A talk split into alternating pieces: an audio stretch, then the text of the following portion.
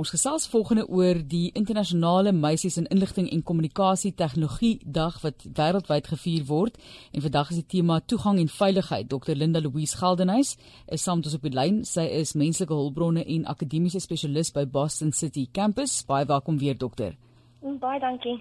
So 'n belangrike onderwerp vandag. Hoekom is dit vir ons enigstens nog belangrik? Ja, verseker. So, ehm um, dit is ongelooflik belangrik om steeds bewustheid te skep oor die veranderinge um, van die geslagsgaping um, om net meer geleenthede vir meisies en vroue te skep en toegang tot die stemvakke te kry. Um, ons moet meer praat oor die vierde industriële revolusie en die vaardighede wat dan nodig is um, om suksesvol te wees binne daai binne die nuwe omgewing.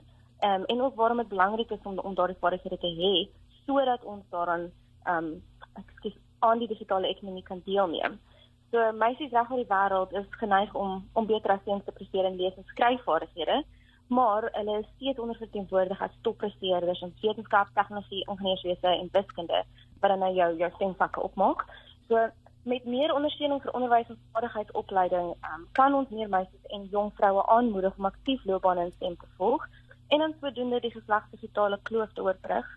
So met meer tegnologie wat 'n rol speel in alle soorte loopbane, van kindergeskiedenis tot regte en grafiese ontwerp, ehm um, sal die aanleer van tegnologiese vaardighede op 'n jong ouderdom meisies kan voorberei vir ekonomiese onafhanklikheid, onafhanklikheid en dit is dan daarom hoekom hierdie dag ehm um, spesifiek daarop fokus.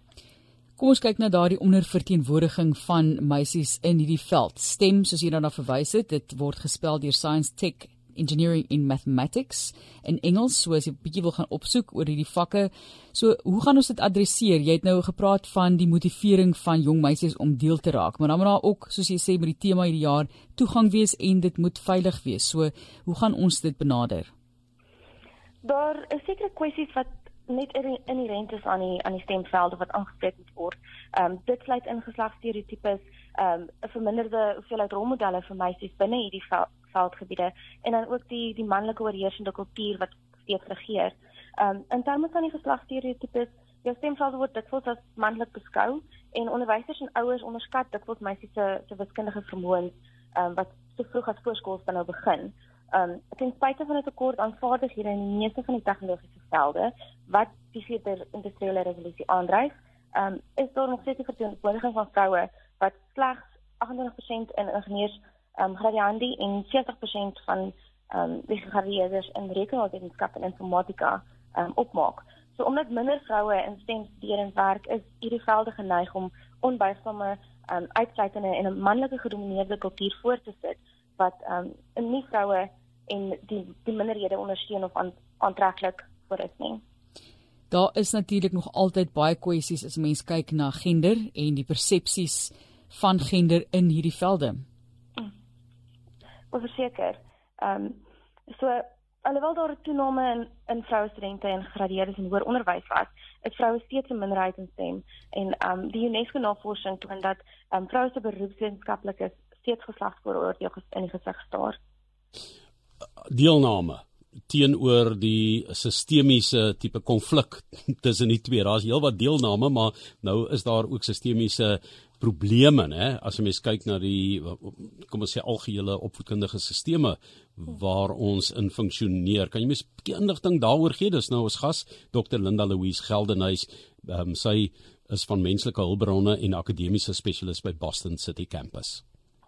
Uh, ja, verseker. Se resultate van 'n pre-COVID um internasionale toets het die sistemiese kwessies in onderwys blootgelê met Suid-Afrikaanse leerders spesifiek. En die resultate toon dat daar 'n uh, onder ehm um, dat Suid-Afrikaanse leerders onder die die vlak van van die wêreldstudent wat op dieselfde vlak leer, ons resultate val ehm um, onder dit. So in 2019 het die Trends in International Maths and Science Studies ehm um, dis 'n studie wat elke 4 jaar gedoen word, ehm um, gesoek dat Suid-Afrika of het getoon dat Suid-Afrika 55ste uit 58 lande geplaas het, waar slegs ehm um, 37% en 28% van graad 5 leerders getoon het dat hulle basiese wiskundige kennis en basiese wetenskapskennis opgedoen het. Ehm um, dis nou onderskeidelik. So ten spyte van byna 'n viervoudige verhoging vir wiskunde en 'n drievoudige verhoging in wetenskap vir die graad 9 leerders, het slegs 41% en 36% ehm um, onderskeidelik wiskunde en wetenskap leerders um jou basiese vaardighede in, in die twee vakke verwerf. So die nêrings en wiskunde dui op bietjie groter probleme in terme van wie vir onderwys gewerf word um, met inkomende BA studente wat die laagste gemiddelde toelatingsvereistes in matriekpunte van alle grade het. Um en boonop het onlangs 'n um, assesserings en, en laerskool wiskunde onderwysers gewys dat die finale BA studente 54% op laerskooltoetse behaal het. Dit, dit is nou um uh, uh gemiddeld.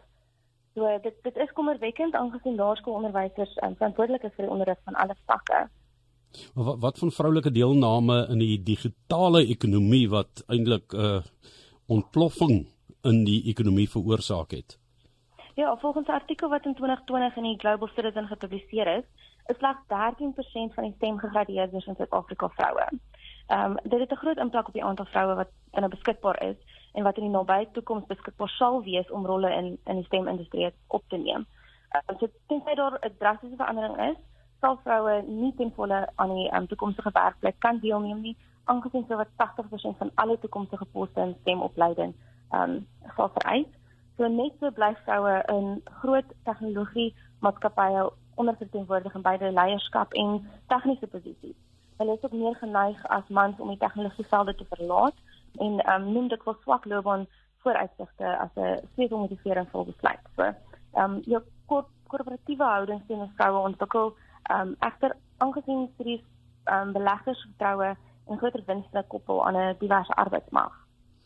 Ons weet daar bestaan so iets dokter Geldenhuis soos pink tax en hmm. dit is 'n verwysing na dieselfde skeermes, die een is blou, die een is pink en die pinke is duurder. As ek nou baie mooi kan vereenvoudig, wat is moederskap belasting? ja, so moederskap ehm, belasting dui op die ehm um, die die rol van van moederskap by die werkende vrou. So die groot gelykheid in die werkplek ehm um, is nie gewaarborg nie of steeds nie gewaarborg nie. As 'n hoër kindersorgkoste beteken dat dit nie ekonomies te moeite werd is vir vroue om voltyds te werk nie. Ehm um, so as die werkplek kultuur vroue penaliseer omdat hulle 'n loopbaan onderbreek om kinders te hê en as vroue byvoorbeeld voortgaan om die las van onbetaalde huishoudelike take, um, kindersorg, omsien van bejaarde ouers daai tipe van van take buite die werksplek, ehm um, sal dit hulle dit reg moeilik maak um, om al volle potensiaal in betaalde werk te verwesenlik. So jou jou moederskapbelasting table basis daarop aan dat die vrou um, onderbreek haar loopbaan om um, na kinders te kyk of um, die huishoudelike take. So die kwessie is kompleks en om dit um, suksesvol aan te pak, beteken om die manier waarop ons die samelewings en die ekonomie funksioneer te verander. So mans en vrouens moet 'n werk-lewe balans kan vind wat vir hulle pas ongeag jou gesinsstatus of jou huishoudelike inkomste.